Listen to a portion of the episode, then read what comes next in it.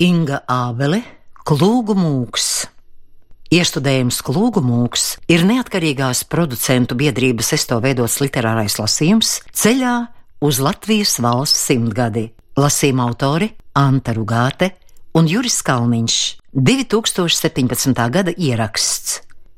Romāna radiolasījumā darbojas Anta Rugāte, Mārtiņš Brūveris, Raimonds Selms, Uldis Dumpis, Aija Dzērve, Gints Grāvelis, Juris Kalniņš, Mihails Karasikovs, Akvelīna Līmane, Kaspars Pūce, Kristaps Rasims, Voldemārs Šoriņš. Astotais lasījums.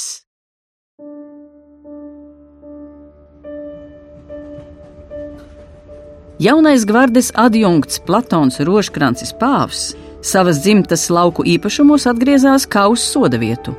Viņš sēdēja zilā pirmās klases vagonā un brīdi pa brīdim nodarbinādamies lūkojās uz garām zibošo, sniegā ieputināto inflantijas sāģu mājelēm, kur cauri aizsalušajiem lodziņiem lauzās vien vāja lāpturu gaisma. Vilciens, garām skriedams, purināja tumšos krūmāju cekulus sliežu malās. Mātes nespēks un tēva planprātība bija likusi viņam pamest svētku uguni izdzirkstošo Pēterpili. Lai izrādītu savu nepatiku, Platons bieži ņēma ārā no mēteļa kabatas pulksteni, garā no senču matiem pītā pulksteņķēdē un pētīja ciparnīcu sveces gaismā, turpinādams: Ak, kā velkas! Lopu vezums nevis vilciens! Te vairs nav ne smakas no rietuma Eiropas! Truli! Truli! Viņš rādīja stundinieku savam melnīgsnējam sulainim, kurš tam pieklājības pēc uzmeta vienaldzīgu skatienu. Neveiksmīgajā Krimas karā saķertais Gruzīns bija ticis apžēlots par varonīgu izmisīgu pretošanos un nonācis poļu pana Ladislava Roita rokās dzīves, būdams vēl pavisam jauniņš zēns, un viņu sauca Nicefors Vidzelī. Pēterpilī Roits Niceforam uzvilka livreju un iemācīja smalku iznešanos. Nicefors bija smalks un elegants, prata apkalpot un pakalpot. Viņam bija tikai viena vaina - viņš bija vienaldzīgs. Dzimis brīvs cilvēks, Nicefors nespēja aprast ar dzimtcilvēka lomu. Platonu viņš mīlēja kā draugu un būtu gatavs nedomājot atdot par viņu savu dzīvību, bet prieku par dzīvi nespēja notēlot pat kungam. Verdzības laikā Nicefors nekad neskatījās acīs šķiet nebija uz to spējīgs. Viņš skatījās garām vai cauri. Visbiežāk novērsās, it kā Platons būtu tukša vieta. Platons klusībā cerēja, ka kāds notikums reiz strauji satrieks uzticamā kalpa grūtsirdību un viņa dvēselē izies ledi. Platonam vairs nebūs jāskatās vidzelī tukšajās acīs. Nicefors tikmēr bija sasildījis glāzi un pasniedza Platonam konjaku. Gvardes adjunkts vispirms pasmaržoja, tad iemalkoja dzelteno dzērienu un ar lapatiku sajūta, ka konjaks ietin ķermeni siltumā, kā kamieļu vilnas segā. Viņš pārstāja lūkoties pulkstenī un ārā pa logu, ierāvās stūrī un domāja par Pēterpili. Kur tagad viņa draugi, kur mirdzošie kristāla kroņlukturi un balles zāles? Pēc dzimtbūšanas atcelšanas Krievijas impērijā tika izsludināta zemes izpirkšanas kampaņa. Valsts ņēma no ārzemēm starptautiskus aizņēmumus un kreditēja zemniekus, kas izpirka no mužniekiem brīvību, māju un zemi. Zemnieki saņēma no valsts izpirkuma summu, un šī summa tūlīt pat tika izmaksāta mužniekiem. Traka nauda Krievijas triju gadu budžeta apmērā. To taču vajadzēja prast notriekt. Platons piederēja zelta jaunatnei, kam nācās rīkot greznas balles, klausīties čigānu koros un gulēt šampaniešu vannās, lai tiktu galā ar viegli nākušo, ārprātīgi lielo naudu, kas appludināja galvaspilsētu. Pēterburgas augstākā sabiedrība cienīja dzīvnieciskas baudas, bet jaunie radikāļi iestājās par principiāli jaunām dzimuma attiecībām. Vīrieši neuzskatīja par pazemojumu dzīvot kopā ar savu sievu un viņas mīļāko. Sievietes, tik ilgus gadsimtus smakušas vīriešu apspiestībā, tagad bija tiesīgas būt brīvas. Dzīve trijotā tika tulkota kā progresa iezīme. To sludināja arī progresa bībele, Nikolai Černiševska romāns Ko darīt? no stāstiem par jauniem ļaudīm, un kurš gan gribēja būt mietpilsonisks atpakaļrāpulis. Pēc romāna, ko darīt iznākšanas, sākās fiktīvu laulību bums. Jaunavas bēga no mājām vai fiktīvi precējās, lai iegūtu personisko brīvību, jo tēva mājās viņas par to varēja tikai sapņot. Černiševska ideju kaismīgs pielūdzējs un sieviešu emancipācijas atbalstītājs Platons Roškrancis Pāvs bija šādu laulību speciālists. Viņš apprecējās ar ģenerālleitnanta meitu, kas sapņoja par studijām ārzemēs, ko viņas tēvs gribēja liekt. Pēc tam apprecēja arī viņas māsu Annu un māsīcu Amēliju. Tas viss nepilnu divu gadu laikā. Vēlāk, kad Platonam apnika trīssievība, Viņš atrada nodarbošanos Pēterburgas koķešu un oficiālu mīļāko lauciņā par atlīdzību. Palīdzēja tām meklēt titulētus vīrus, lai pēc karjeras beigšanas viņus varētu iegūt stāvokli sabiedrībā. Grāfu un kņazu tituli bija ļoti vēlami un dārgi, jo bija reti, bet ģenerāļu lēti. Grūti bija sameklēt titulētus vīrus vieglas uzvedības sievietēm, kam sliktā slava gāja pa priekšu. Un, ja arī tāds tika sameklēts, tad prasīja lielu kompensācijas naudu, kā arī iespēju uzreiz pēc laulību ceremonijas dzīvot šķirti.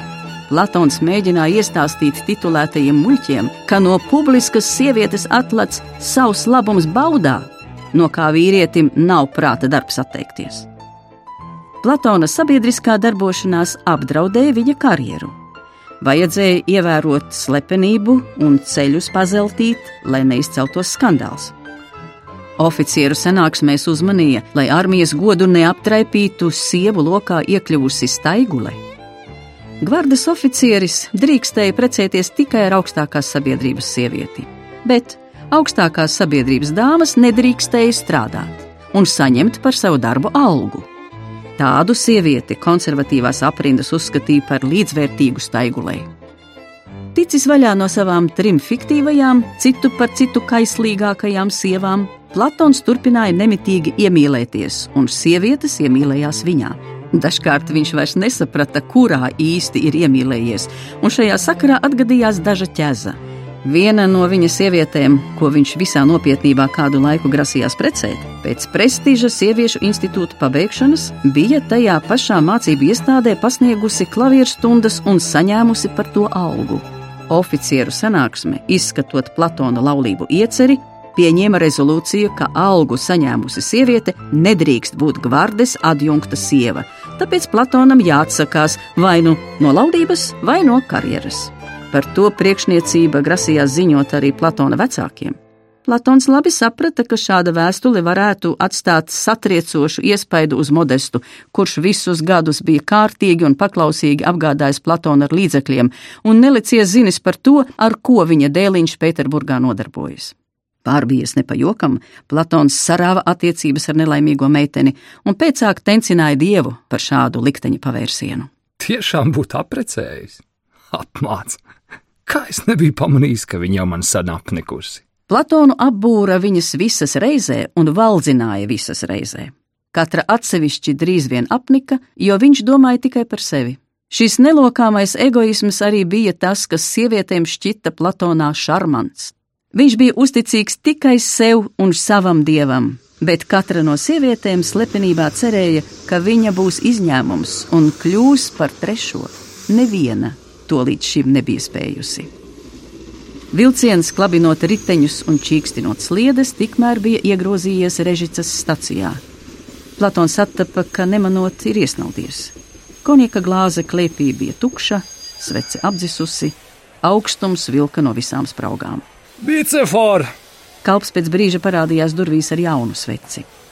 No gaiteņa atskanēja izkāpjošo pasažieru jēzga, važoņu brēcieni, un zirgu zviegums. Pie joda, nu kur tu staigā?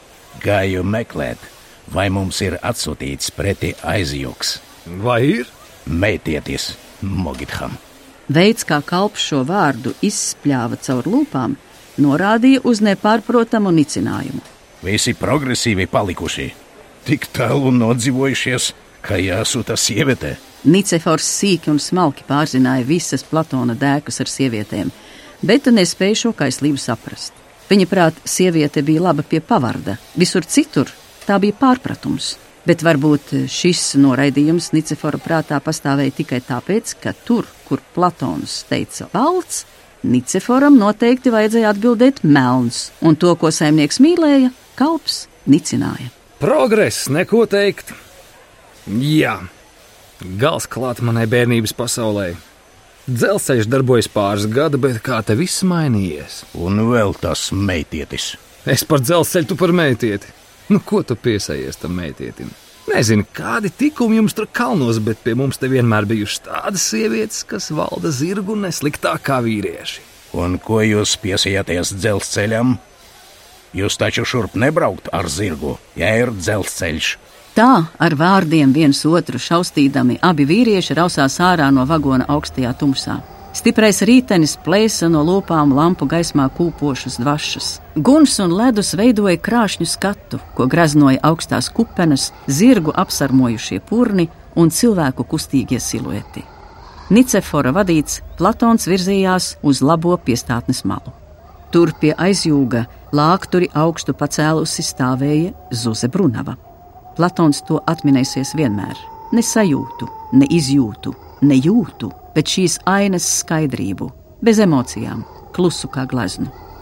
Visapkārt sniegs un kupenes, bet viņa ir slaika un lokana. Viņas acis ir melnas, kā kad viņa stāvētu māras koka ēnā. Āda ir jauna un gaiša, tai cauri viz viņas asinis, tāpēc vaigi liesmo.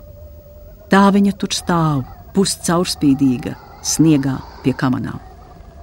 Sniegs blakus viņai kļūst lazēts, ledus dzīslu caurausts, zirgs ar priekškājām kārpa sniegu un rausta iejūgu. Meitene valda to pēdējiem spēkiem. Platons gluži automātiski pārņēma no viņa zirgu un noturēja uz vietas smagos, nospriegotos grožos. Zirgs elsāja blakus, Tas bija melns un putās saskriets, akmenāja ērzelis, liels un necaurspīdīgs vaislinieks, biezā spalva savēlusies veldrē, sarulējusies kā karakuls kūpēja salā, kā izlīs lauks. Bet viņa tik gaiša uz šī zirga fona. Labvakar, jaunais grāf! Jūsu tētiņam šovakar lapa tika nomirta.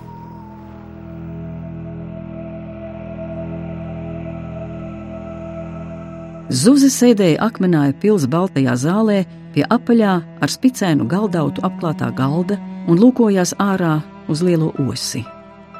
Rudens terps tam bija gaiši zaļgans, gandrīz dzeltenīgs. Vējš plosīja oša kuplo lapotni un cirpa lapas ik veipūtākā biezu vušku vilnu. No akmenāja pils dziļumiem atskanēja klavieru klimperēšana. Franču guvernante pasniedza kādam mūzikas stundu. Zuze nožāvājās un atspieda galvu rokās. Viņa tagad pati prata jau nedaudz franciski un samērā labi spēlēja klavieres. Zāles stūrī sakustējās klūgu šūpuļkrēslā ar sagām sasaktā dusošā grāfiene, pie kuras Zuze pirms gada bija nolīgta par ģērbēju. Zuze piecēlās un devās pie grāfienes. Gadi veco sievieti bija skalojuši un drejājuši kā viļņi upes dibenā gulošu siekstu. Natālija Fona Rožkrance pāva Laika straumē bija zaudējusi visu - veselību, skaistumu, prātu, vīru un savu kapitāla daļu, ko mātei atņēma Platons un meitas, bet nomirt viņa nesteidzās un savā tuvumā pacieta tikai zuzi. Zuze atsedza veļumu, kas sargāja mazo brūno, ar vecuma kārpām un melniem plankumiem nosēto Natālijas ģīmīti pret rudens mušām, kuras zumēja un čabēja visos pilsētas stūros. Uz vecumu grāfienei bija izaugusi it bieza sirma bārzdiņa, kas sedza zodu, bet uz krūtīm kopā saņemtās rokas klāja dzeltenam pergamentam līdzīga āda. Uz labās rokas rādītāja pirksta bija uzmaukts milzīgs zelta zīmoga gredzens ar zaļu akmeni un fona rožkranču pāvu dzimtas iniciāļiem. Abas sievietes saskatījās. Grāfienes acis bija zaudējušas krāsu, tomēr to dziļumos vēl gulēja saprāts un dzīvība. Labu brīdi Natālija domīgi, mazliet skumji lūkojās Zuzai acīs, tad laida skatienu uz leju, uz Zuzes piebriedušo vēderu. Zuzes veloši piesarka, it kā būtu saņēmusi pēkšņas pļaukas pa abiem vaigiem. Šī bija pirmā reize, kad grāfiene pievērsa uzmanību tam, kas notiek starp Zuzi un viņas dēlu. Platonam pirmais gads dzimtenē bija pagājis salīdzinoši mierīgi, Tomēr jau nākamais rudens rādīja, ka ar zuzi vienā telpā uzturēties ir uguns nedroši. Viņu starpā bija dzimis kaut kas tāds, kas nesadarēja ar sabiedrības uzskatiem par labām muišturu un kalpotāju attiecībām. Platons, tāpat kā viņa māte, alka pēc Zuzes sabiedrības. Brīžos, kad viņš lasīja bibliotekā, Zuzei vajadzēja būt turpat kopā ar Natāliju un strādāt rokdarbus. Ziemas vakaros, kad kungi vakarēja salonā, Platons ar vienu sauca pēc Zuzes, kas sēdēja starp kalpiem un mizoja ābolus. Zuzē viņš šķita tik bezpalīdzīgs, izrauts no Pēterpils spožās vides, apjucis un pazaudējies dzimtenes mālos un miglās, spiests uztraukties un kārtot tēva aizlaistās lietas. Pēkšņi sapratusi, ka ir vienīgā, kas patiesi interesē Platonu, Zuze satrūkās. Tā nedrīkstēja būt, tomēr bija tik saldi justies lutinātai. Platons pievērsās viņai slepeni un klusībā, bet pilnīgi. Kādu laiku viņš viņai piederēja viss. Bārenei Zuzei līdz šim nebija piederējis cilvēks. Tā bija liela dāvana, un viņa nebija mācīta ar tādu tikt galā. Viņu starpā gandrīz nemaz nebija vārdu, tikai skatieni, nopūtas, dziesmas, vēlāk skūpsti. Un tas, ka viņu attiecības ir aizliegtas, bija kā svaiga vējpūta gruzdošam gunskuram. Platons izturējās pret Zuzi kā pret bērnu, kas jāapmāca daudzām dažādām patīkamām lietām. Viņš iemācīja viņai jāt ar zirgu, vīriešu seglos, un nespēja vien nopriecāties, cik labi viņa izskatās jātnieces tērpā, kad galifē bikses cieši apkļāva viņas slaidos gurnus un garās kājas, bet sejas lepno profilu izcēla vanaga spalva pie medību cepures. Viņš mācīja viņai franču valodu un klavieru spēli, dejot mazurku un polku, medības ar kurtiem un ar vanagu, lika lasīt priekšā no zeltītām bibliotēkas grāmatām un laboja viņas izrunu ņēma līdzi savos braucienos uz Viļņu un Varšavu. Zuzes mundrajam prātam tā bija jauna viela. Platona rokās viņa bija kā sūklis, kas mirklī uzsūca visu svešādo. Abu uzvedība bija nevainojama līdz kādai vēlai janvāra pēcpusdienai. Zuze pēc jaungada svinībām bija apslimusi un nedēļu sagulēja gultā ar karsoni. Pēc tam pāris dienas uzturējās savrup, lai atspirktu līdz galam. Visbeidzot, Platons nepacietībā degdams bija ieradies viņu apraudzīt un lūdzis atsākt savus darba pienākumus pēc iespējas ātrāk. Zuze bija lasījusi. Viņa atlauza grāmatu, kā mēdza darīt pirms lasīšanas vai grāmatas aizvēršanas. Platonu šis žests vienmēr ārkārtīgi kaitināja. Viņa nolika lasāmo uz naktskapīšu un piecēlās, gandrīz saplūzdama ar savas istabas sudabraino mīkrēsli. Platons aizvēra durvis un tuvojās. Kaut kas nevaldāms lika alkt viņas miesas siltuma un smaržas, mazliet pēc lavandas un saldo mandeļu eļļas. Vai es izturos labi pret tevi? Zuzi skatījās pretī lielām acīm. Pēc slimošanas seja sastāvēja nevis no miesas, bet no ēnām un gaismām, un nedaudz atvirzījusies uz loga pusi, atbildēja, ka jā, protams, kungs pret viņu izturas labi. Platonu atvirzīšanās satracināja kā lauvu bēgošs bifelis. Viņas iecietinātie svārki nogurkstēja kā sniegs, kad viņš zuzi pēkšņi apskāva, it kā skūpstīja, it kā koda viņas kaklā, sūgdams to ar karstu muti, un iegrūda viņas matos aizturētu lūdzošu vaidu. Zuzei uzmācās reibums un miegs, kā no tvana. Tu taču zināji, ka reiz būs jāsāk maksāt par jāšanas stundām un klavierspēli. Viņa nedzirdami teica sev, un šī doma paralizēja pretošanos. Laiks ritēja strauji. Līdz pavasarim Zuze tikko bija apradusi ar jauno stāvokli, tikusi galā ar izjūtām, apbrīnojusi savu spējo un aso kaisli, sapratusi, ka tā nav un nevar būt mīlestība, kad viņā pirmo reizi sakustējās bērns, reizē ar tumšu un smacējošu grūtsirdību. Viņa pateica Platonam par bērnu stīvi un augsti, kā paziņodama, ka lielopu gaļai riasnes tirgū cēlusies cena viņš neko neatbildēja. Līdz rudenim Platons tā arī nebija neko izdomājis, tikai mainījis attieksmi, attālinājies un svešs. Kad Zuze pārstāja nesāt korseti, akmenājā un tuvākās apliecinēs, iemetās tenkas kā liesmiņa sausā kūlā. Brunova mājā Zuze vairs nedrīkstēja rādīties. Draudziņa viņai nebija, kalpi turējās pa gabalu kā no sērgas skartas. Paldies Dievam, pabērna dzīve bija norūdījusi pret cilvēkiem, bet dvēsele sala. Tagad vecā grāfiene uzlūkoja Zuzes vēduru ar zinošu skatienu. Vēl vairāk novilka no pirksta lielo zīmogu gradzenu un acīm norādījusi uz Zuzes vēderu, tas bērnam lika viņai to pieņemt. Zuza izbijās un negribēja ņemt Natālijas dāvanu, bet tā pārmeta krustu un pacēla plaukstu, kā teikdama: Saņēmi, tad pateicies. Pat dāvinādama vecā grāfiene palika barga, tomēr acis bija savādi spožas. Viņa mīlēja Zuzi, un Zuzi to juta. Bija dīvaini izjust tik daudz mīlestības no galīgi sveša cilvēka, par kuru klīda nostāsti, ka dzīves laikā esot bijusi kašķīga un neganta, un reizēm iekaustījusi savus ģērbējus, kā arī nelaiķi vīru modestu. Varbūt miesa ir tā, kurā mājo dēmoni, nodomāja Zuze. Tai iznīkstot, pamazām iznīkst arī ļaunums. Zuze negaidīti skaļi iedziedājās. Natālijai, kurai patika klausīties senās latgaļu korklinēcas, acu kaktiņos parādījās smaids. Šūpodama krēslā veco grāfieni, kā savu vēl nedzimušo bērniņu, Zuze dziedāja mātes dziesmu.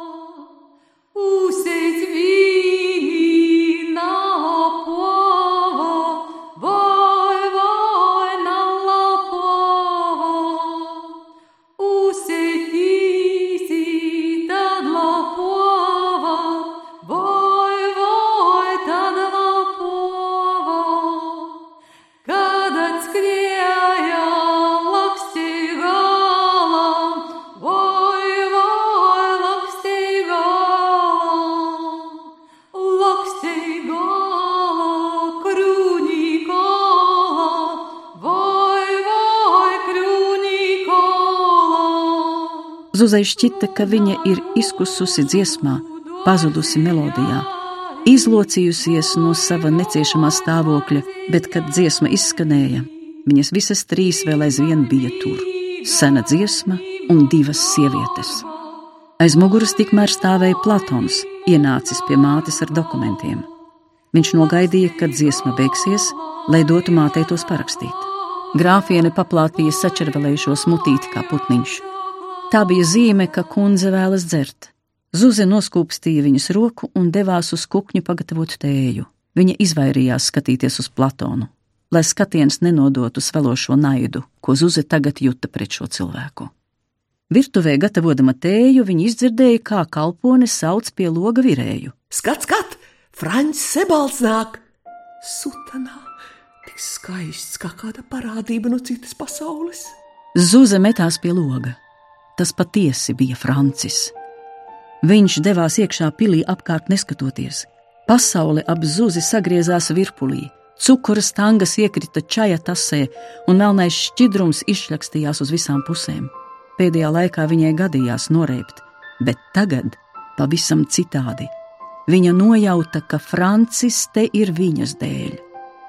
Pussamanīgi Zuze uzstūma zīmoga gredzenu tajā pirkstā, kur parasti meitām ir saderināšanās gredzeni, paķēra čaja tasi uz drabošas apakštases un metās pa kāpnēm uz zāli. Virēja un kalpone nogrozīja galvas pakaļ. Pa otrām kāpnēm kāds bija uzkāpis augšup un jau pazudis zāles durvīs. Kāds bija ieraudzījis pie loga Platonu un savu sakāmo pārdomādams uz mirkli nostājis durvju ailā. Caur otrām durvīm zālē ieslīdēja Zuze Brunova. Viņa bija slaika un gara, viņai mugurā bija sukne no zaļa brokāta, kas vilkās pa zemi. Iestīvinātie apakšsvārki gurkstēja, Zuzes vēders bija kupls un apaļš, tāpat kā augšup uzsukāto zeltaino matu kamols uz pakauša gala. Zuze piegāja pie Platona un sniedza viņam tēju, ko viņš izbrīnīti pieņēma. Zūze uzlika viņa otru roku uz sava grūtnieces vēdera. Uz pirksta viņai bija milzīgs zelta gradzens ar zaļu aci. Platons nebija pamanījis Sebaldu un nepamanīja arī. Vienu īsu mirkli pāri Platona plecam satikās tikai Zuzes spītīgais un Franča sāpīgais skatiens. Francis uz īsu brīdi atbraucis dzimtenē, nespēja noklausīties visā, kas tika mēļots par Zuzi. Viņš bija devies uz akmenāju atriebes dzīts, vēl nezinādams, ko un kā runās ar Platonu, bet droši vien bargi. Un te nu viņš stāvēja, to divu priekšā, ap kuriem plandīja, kā viņam likās, kaisle, sirdsaites un mīlestība. Stāvēja kā tāds, kuram tas viss uz mūžu paliks svešs. Viņš, kas bija nācis aizsargāt zuzes godu, tagad izjuta spēju un svelošu greizsirdību, kas līdz šim bija viņam nepazīstamas jūtas. Satriekts par iznīcinošo sajaukumu, naidu, nožēlu, riebumu un iekāri, viņš saprata, ka nekad vairs to negrib izjust savā dvēselē. Tāpēc ne vārda neteicis, apgriezās uz papēža un metās lejup pa kāpnēm tikpat strauji, cik šurp uzkāpis. Zuze ātri atgrūda Platonu, atņēma čaja tasi un devās pie Natālijas. Platons nesapratnē par tādu teātri sekoja viņai un lūkojās, kā viņa dzirdina māti ar sudabra karotīti. Viņa vaicājošais skatiens sastapās ar Natālijas izbalējušajām acīm. Vecā grāfiene paslēpās aiz nolaistiem plakstiem. Platons pastiepa roku, lai atņemtu Zuzai gradzenu. Zuza izvairījās, un gradzenu uz pirksta sakārtodama teica: Zagļiem dāvanas nedod. Natālija tikko manāmi pasmīnēja un pamāja ar galvu. Platons nobālējis saknieba lūpas. Zuze pieklājīgi palocījās un atstāja zāli. Ap sirdi vējoja prieks un nāvīgas skumjas.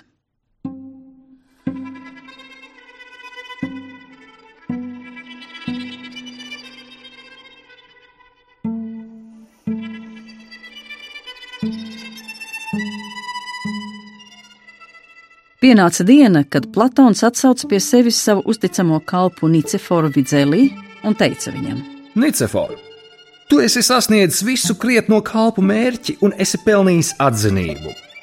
Saki man, kāda dāvana spētu tevi iepriecināt? Brīvība. Tad tev ir tik slikti klājies pie manis. Vai mēs neesam dzīvojuši kā brāļi? Es to nesaku, kungs, bet jūs jautājat, kas spētu mani iepriecināt. Lepnība ir nāves grēks, mans draugs. Sarkanmataina guvernante pa durvīm ieveda Zuzi Brunovu, pakniksēja un izgāja. Brīvība tev nekādu nevar dot, bet začu krogu un kalponi priekš laba drauga nav žēla. Kāzas dzersim jau nākamnedēļ. Rūkts. Nicefora sejai pārskrēja tumša nelaimes nojausma. Viņš pēkšņi sadarbēja, kā krūts bērns, kas izrauts no miega griezīgā gaismā, un metās uz ceļiem pie krēsla, kurā sēdēja Platons. Tikai ne to, Genacvale. Visu, visu. Pēr pie baznīcas dzens ar uzstroju, atdod zaudētos. Tikai ne to žēlo, kungs. Platons izrāvās un piecēlās sakārtodams drānas un uzsaugdams sajēgu zaudējušajam kalpam ledainā tonī. Pietiek reiz! Nicefors celieties kājās! Nicefors lēni pieslējās, aptverdams, ka vienā mirklī uz visu mūžu zaudējis godu savas nākamās sievas acīs. Zuze, vairs neslēpdama pilnīgo grūtumnieces vidukli, skatījās uz abiem vīriešiem un sāka saprast Platona nodomu un Nicefora šausmas.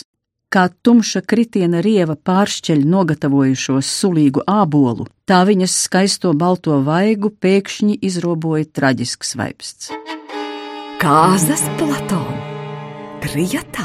Nicefors ievēroja viņas caurspīdīgo sejasādu, kas vasar raibumiem, kā granīta zvirgzdiem nokaisīts krīta putekļu ceļš, izcēla nopietnas zaļas acis zem medus krāsas matuvijas. Viņa bija daļa, tikai viņas mute. Tajā bija trausls un sāpīgs vaipsts, un pulsēja šī mute sāpīgi kā aizcirsta vēna.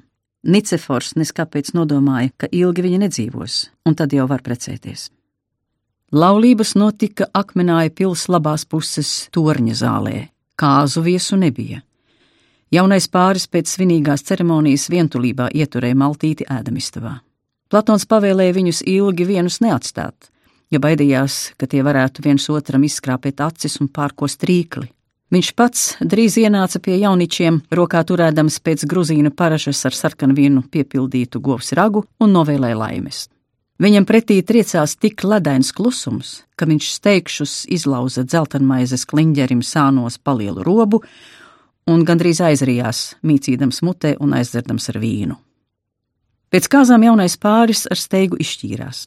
Nicefors aizbrauca uz Začu solu, pārņemt savā valdījumā zaķu krogu, bet Zuze, kā bijusi, tā palika akmenājā.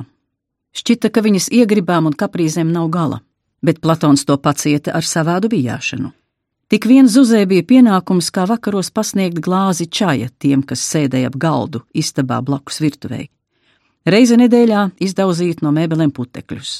Vienmēr viņai bija slikti, dedzināja, spieda pakrūtē vai bērns vēderā nelabi spārdījās. Viņa vajāja Platonu un neļāva tam palikt vienam, nerroja pārējos kalpotājus, izzoboja tos, kamēr tie teica to, ko domāja, un reizēm to, ko nedomāja. Meitenīte piedzima oktobrī. Sīka, balganiem augļu taukiem notriepta radība pirms laika. Devītajā dienā sarīkotās kristībās viņai tika dots Terēzes Augustīnas Brunovas vārds. Pēc radībām Zuze pārvērtās. Ja agrāk dienām laiskojās pilī, tad tagad viņai uzrādījās desmitiem neatliekamu darīšanu aiz akmenāju robežām. Viņa ņēma no Platona staļļa sirmu rikšotāju un pavadīja lielāko daļu laika seglos, medībās, izjādēs un dažādās izklaidēs. Pie Terēzes sēdēja zīdītāja un aukle. Māti izdzirdot, kaut no liela attāluma, mazā izmisīgi raudāja. Kurš gan pārzina noslēgta vīra sirdi, kurš spēj ielūkoties viņa dvēseles dziļumos, Varbūt vienīgi mēnesis acis tumšās naktīs, varbūt Platons Zuzi patiesi mīlēja, ja ļāva tai rīkoties kā nevienai sievietei pirms viņas un pēc viņas nebija ļāvis. Bet Zuze, algadama pēc kāda, kas viņu apturētu neprātīgajā skrējienā, turpināja trakot. Jau no četru gadu vecuma Platons pievērsa īpašu uzmanību mazajai Terēzei. Vakaros kopā ar meitu ņēma pūļu, franču un vācu valodas stundas, vēlāk pats mācīja arī kaligrāfiju, mūziku, geometriju un aritmētiku, geogrāfiju un astronomiju. Zuzi tikmēr akmenāja ļaudis bija iesaukuši par nešpatno. Svētdienās nešpatnā stāvēja pie pils ceļā uz baznīcu un sniedza visiem, kas gāja garām, savu roku bučot. Reizēm dalīja par rokas bučošanu karstas desas. Zuza izklaidējās, pavēlot kalpiem sasaukt ļaudis un sagādāt kurvjus ar āboliem, ķiršiem un plūmēm, un tad viņi stāvēja uz pils kāpnēm, svieda ļaužu drūzma augļus un uzjautrinājās, kā tie grūstīdamies ķer. Platona pacietībai gals pienāca, kad Zuze bija tikusi klāt vīna kambariem, sadzērusies vīnu un izkrita pa otrā stāva logu. Terēze ar tēvu pastaigājās netālu gar dīķi, pamali jau tumši grandēja, Pāri dārza lapotnēm ik mirkli pārskrēja karstas vēja šārmas. Pēkšņi iekļiedzās pazīstama balss, dzidra un skanīga kā zvaniņš, ar ko postā, karā un sērgā sazvana kopā izklīdušos. Ņem, mans bērns, tas ir tavs! Tikai uzmani, lai tavs tēvs tev to nenozog! Pie Terēzes kājām zuzes mests nolidoja lielais zīmogu redzens. Vēl mirkli kustējās, tad zaļā acs sastinga. Dārzā viss bija satumsis. Zuzes baltā kleita vīdēja melnajā logu ailā. Platons mēģināja viņu nolūkties, lai kāpj nost no palodzes, bet velti. Vai viņa spēra soli vai kliegdama vienkārši izkrita, nav zināms. Pēkšņi uzlidoja gaisā, viegli plandīdama kleitu, kā no panorāmas rata izsviesta lelle. Mīkstais būkšķis, ar kādu zuzes augums triecās pret grantēto parka celiņu, asiņu straumīti, kas rāmi izvijās no pārkostās lūpas. Terēzē tā šķita melna čūskiņa, zelktītis, kuru jūlijā beigās tik daudz ap dīķi. Pēc tam meitenīte sāka nevaldāmi kliegt. Viņa saslima ar bronhiālo astmu, Atlaba tikai tad, kad Platons no pūlijas uzaicināja nervu ārstu, kas hipnotizēja meiteni un lika aizmirst ligu pirmcēloni. Pēc neveiksmīgās pašnāvības Zuze palika dzīva, ilgi ārstēja salauzto gūžu. Ap to laiku kļuva pamanāma tā īpašība, ko Terēze Augustīna vispilgtāk paturēja atmiņā par māti - mūža nelaimība.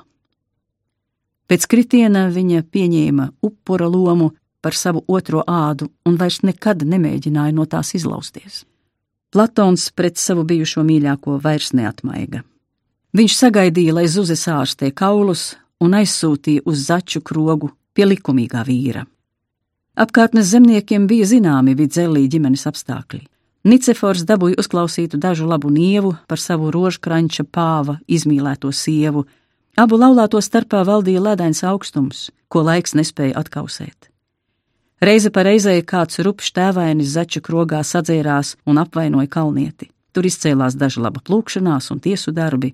Šāda dzīve izmocīja un vārdzināja vairāk nekā niknas zobu sāpes, tāpēc patēva attieksme pret visu nelaimju sakni Terēzi bija tāda pati kā pret zuzi - salds nicinājums. Liels bija meitenes atvieglojums, kad viņai apritēja deviņi gadi, un Platons viņu aizsūtīja uz meiteņu skolu Rīgā. Zuzi neviens nekur nesūtīja. Caurām dienām viņa slēpās no skatieniem kroga mazajā putekļainajā dārziņā uz šaura soliņa braucīdama smeldzošo gūžu. Naktīs viņa gulēja savā cietajā vientuļajā guļvietā, sažņaugusi uz krūtīm rokas. Viņu apņēma tukšums un lamas. Nojausdama, ka nekas un neviens vairs nespēs piepildīt šo tukšumu, Zuza pēc lieldienām izzaga Niceforam no stoikas kroga naudu un devās kājām uz riasni. Pēc kāda laika viņu bija redzējuši Dinaburgas vilcienu vagonā, vēl pēcāk viņu aprija milzīgā Maskava. Bija 1895. gads. Terēzei Augustīnai tajā rudenī apritēja 11 vasaru.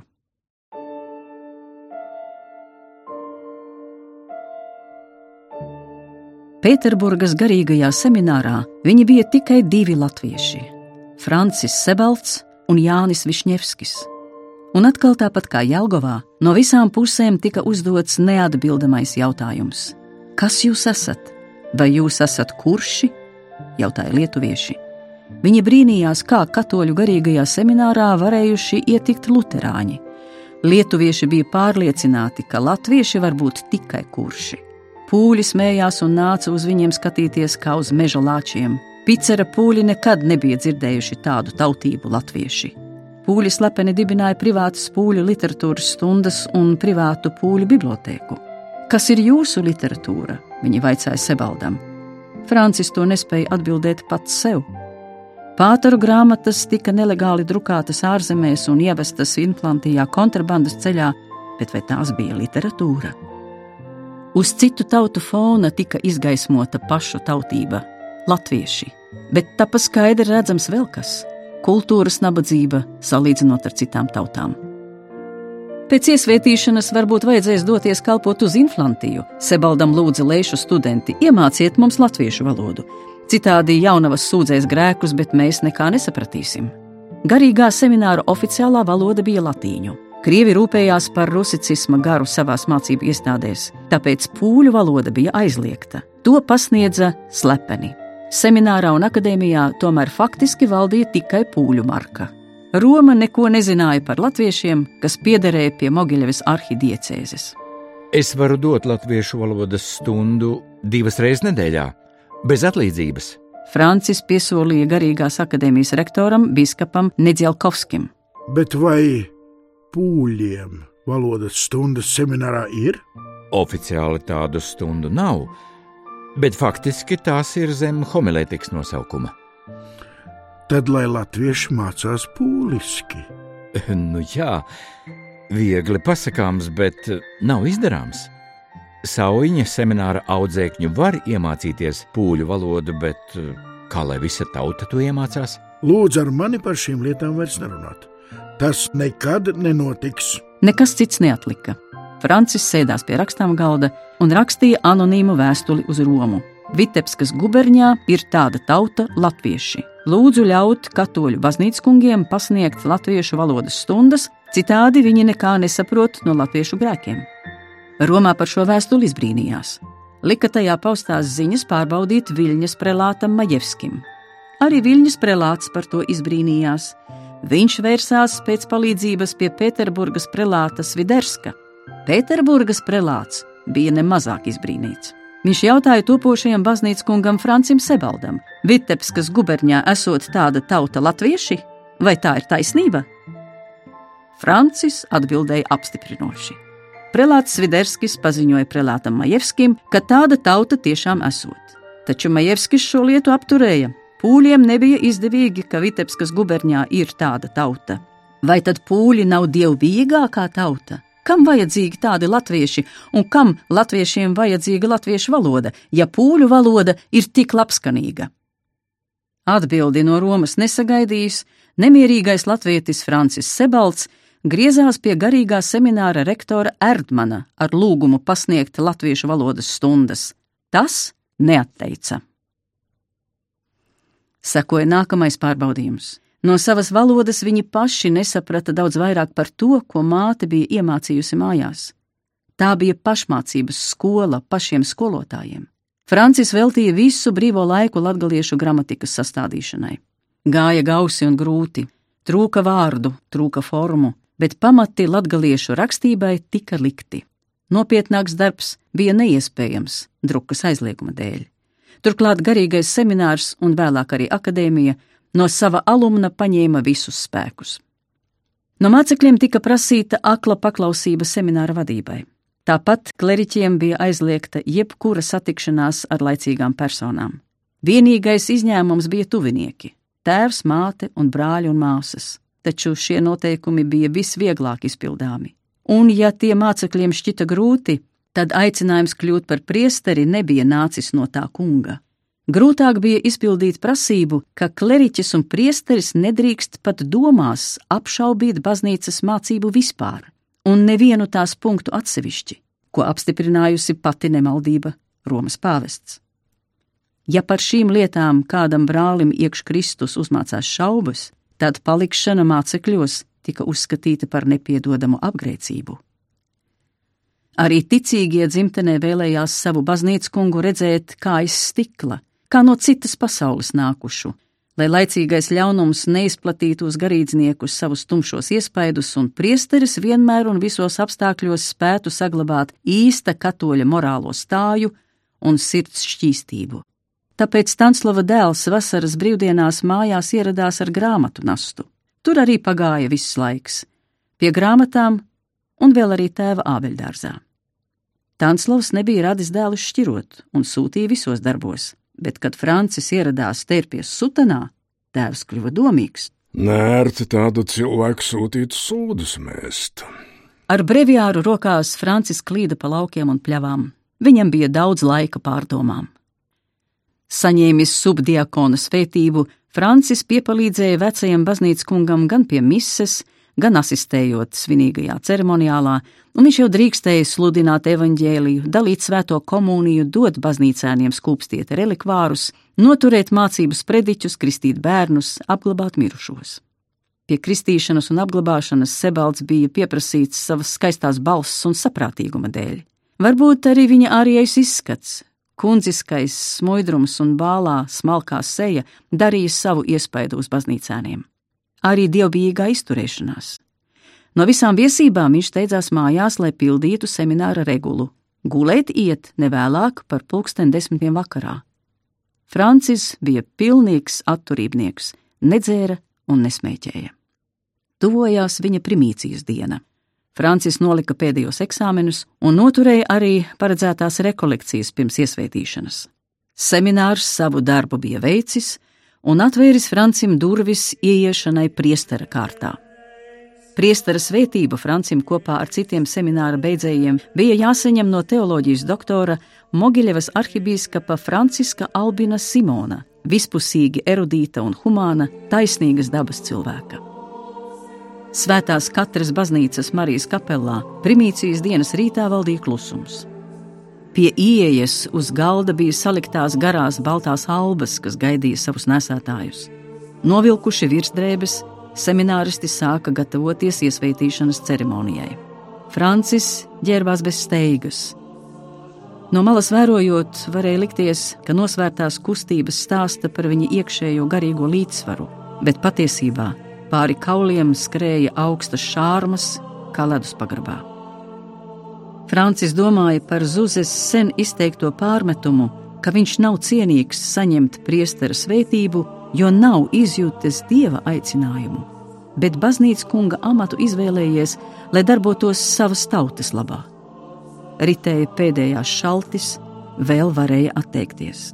Drīz tas nebūs iespējams. Tiklīdz viņi bija nostājušies rindā pa divi, altārī aizdedzināja sveces. Tūlīt no kapelas blakus telpas iznāca arī arhibīskaps Simons, arhidiakons, diakons un daži kleriķi. Sākās svētā mise. Arhibīskaps nolasīja epistulas un nosēdās krēslā altāra priekšā. Arhidiakons aicināja: Nāciet, kas esat paredzēti priestera kārtai. Paklausīdami viņa aicinājumam, topošie garīdznieki devās pie altāra un noliektām galvām nostājās arhibīskapa priekšā. Arhidiakons, pagriezies pret arhibīskapu, turpināja: Ļoti cienījamais svētais tēvs, Svētā māte Katoļu baznīca prasa, lai šos diekonus iesvētītu priestera kārtā? Deo grātijās! Atgādinu jums, ka esat paredzēti saņemt priestera svētību, ka līdz ar šo svētību jums visu mūžu jāpaliek garīdznieka kārtā, jādzīvot seistībā, un katru dienu jālasa priestera lūkšanu grāmata, breviārs. Vēlreiz labi pārdomājiet savu rīcību pirms jūs uzņematies šo augsto pienākumu. Francis līdz ar biedriem noslīga uz ceļiem un pēc tam nogulās uz mutes arhibīskapa priekšā, kurš ilgi skaitīja svēto litāniju. Beidzot, arhibīskaps griezās pie paša dieva un pazemīgi lūdza, lai viņš sargā savu baznīcu, tās vadoņus un visus ticīgos. Kamēr notika litānija, Francim pietika laika nomierināties un izšķirties par svētības pieņemšanu. No sevis viņš nolēma prasīt ko vairāk. Viņš sludinās citiem tikai to, par ko pats ir pārliecināts. Litānija beidzās. Sākās svarīgākā iesvētīšanas daļa - roku uzlikšana. Semināristi piecēlās un pēc kārtas piegājuši pie arhibīskapa krēsla nometās ceļos viņa priekšā. Šī ceremonija atstāja neizdzēšamu iespaidu Franča dzīvē un saglabājās atmiņā uz visu mūžu pienāca viņa kārta, un viņš nometās ceļos pie arhibīskapa kājām. Viss pēdējā laika satraukums bija kā ar roku atņemts. Litānijas laikā, kamēr Francis gulēja krustā, bet arhibīskaps skaitīja garo lūgšanu un kleriķu koris dziedāja, viņš bija kā miris, kā Jēzus pie krusta. Tagad, atdzimis no šaubām, mierīgi un svinīgi sagaidīja arhibīskapa rokas uz savas galvas, stolu ap pleciem un vārdus. Ņem uz sevis tā kunga jūgu, jo viņa jūgs ir maigs un viņa nasta ir viegla. Pēc tam arhibīskaps tikpat svētsvinīgi uzlika uz pleciem kazulu, kam mugurpuse bija salocīta tā, lai atgādinātu nastu, un piesaucis svēto garu, ar eļļu iezieda Franča abām rokām īkšķus, rādītāju pirkstus un dēlnes. Viņš Francim, tāpat kā visiem citiem jauniem priesteriem, pasniedza sudobra biķeri ar ūdenī atšķaidītu vīnu un patenu, uz kuras atradās nekonsekrēta hostija. Tas nozīmēja tiesības izdalīt citiem priestera svētības un varu upurēt svētajā misē. Kopā ar arhibīskapu Viņi noskaitīja dažas lūkšanas, kopīgi izdarīja mises upurēšanu. Tad arhibīskaps viņiem pasniedza svēto komuniju. Tagad viņi bija sagatavoti, lai baznīcai nodotu ticības apliecinājumu. Arhibīskaps skaitīja kredo, un jaunie priesteri, kā atbalsis, korī atkārtoja viņa teiktos vārdus. Francis trīsēja, šķita, ka sīkas skudriņas lodā pa miesu. Ticēt un darīt, un vairāk neko, viņš sev teica. Francis sajūta sevī ieplūstam daudz spēka un pieņēma to atdevīgi. Par zīmi, ka jaunie garīdznieki pilnīgi saņēmuši priestera varu, pie viņiem piesteidzās kleriķi un attina mugurpusē salocītās kazulas. Tikai tagad bija pienācis brīdis, kad iesvētīšanas rituāls tuvojās noslēgumam. Vēlreiz Francis Sebalds nometās ceļos pie arhibīskapa krēsla, ielika rokas arhibīskapa rokās un solījās būt viņam paklausīgs. Tad arhibīskaps apskāva viņu, skūpstīja un teica: Kunga miers, lai ir ar tevi! Francisks Alberts Simons vēlreiz Francis svētīja. Nu viņš varēja pilntiesīgi sākt savas gaitas draudzē. Tiesa gan jau drīz ļaudis sāka runāt, ka arī savādas lietas no Franča varot sagaidīt. Reiz svētdienā, kad jau vajadzēja sākties svētai misai, Francis plebānijā vēl griezis fonogrāfa rullīti, un apkārt viņam stāvējušas meitas un sieviņas dziedādamas latgaliešu tautas dziesmas. Mutes atplētās un ceļi sieviņām salocījās, kad otru reizi rullīti griežot, tur skanējušas viņu pašu balsis. Dzīd spūki viņām licies. Pirmo reizi kaut kas tāds Vitebskiešos noticis. Francim esot bijis pāri par 50 savāktu dziesmu tekstu un melodiju. Baznīcāni nevarēdami sagaidīt dievkalpojuma sākumu, salasījušies pie plebānijas un sākuši daudzīties durvīs. E, ko šis dzied laicīgās dziesmas, kad jādzied garīgās? Atvēris durvis, Francis mierīgi teicis: Lai garīgās atpūšas, ļaujiet padziedāt laicīgās!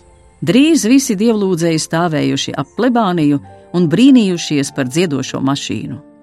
Tāpat arī savus vienaudžus, Pīteru un Feliksu, kas no līksnes bija braukuši palūkoties uz baznīcas kungu Franci Sebaldu, viņš pārsteidza rokā turēdams nevis breviāru, bet pašrocīgi sastādītu tautas dziesmu, korklineicu krājumiņu.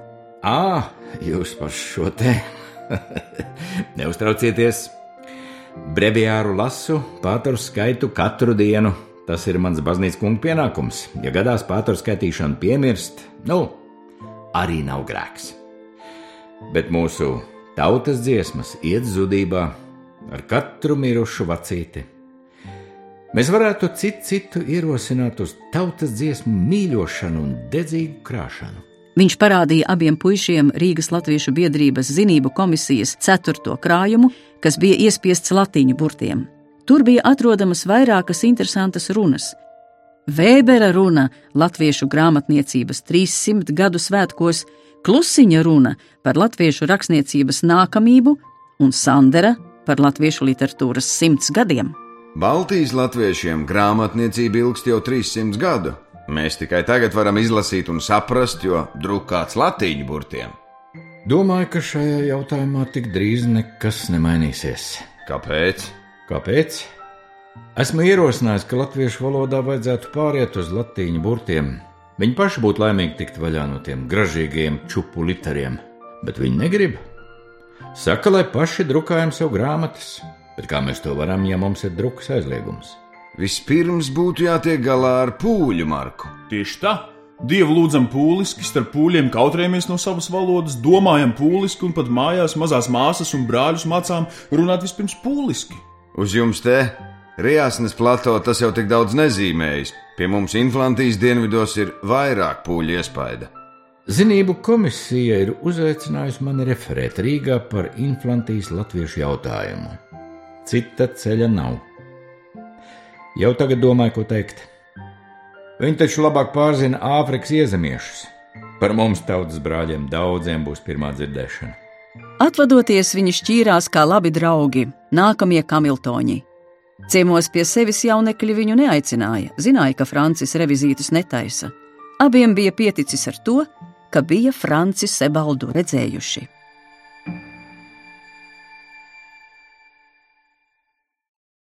Izskanēja Latvijas Latviešu kongresa un Latvijas valsts simtgadē veltītais Inga Sābeles romāna Klūgu mūks, Latgales radio lielieskaņojuma astotais lasījums. Radiolasījumā darbojās Anta Rugāte, Mārtiņš Brūveris, Raimonds Selms, Uldis Dumpis, Aija Dzērve, Gints Grāvelis, Juris Kalniņš, Mihails Karasikovs, Akvelīna Līmane, Kaspars Pūce, Kristaps Rasims, Voldemārs Šoriņš komponists Juris Vaivots, skaņu režisors Andrijs Krenbergs, režisors Juris Kalniņš. 2017. gada ieraksts.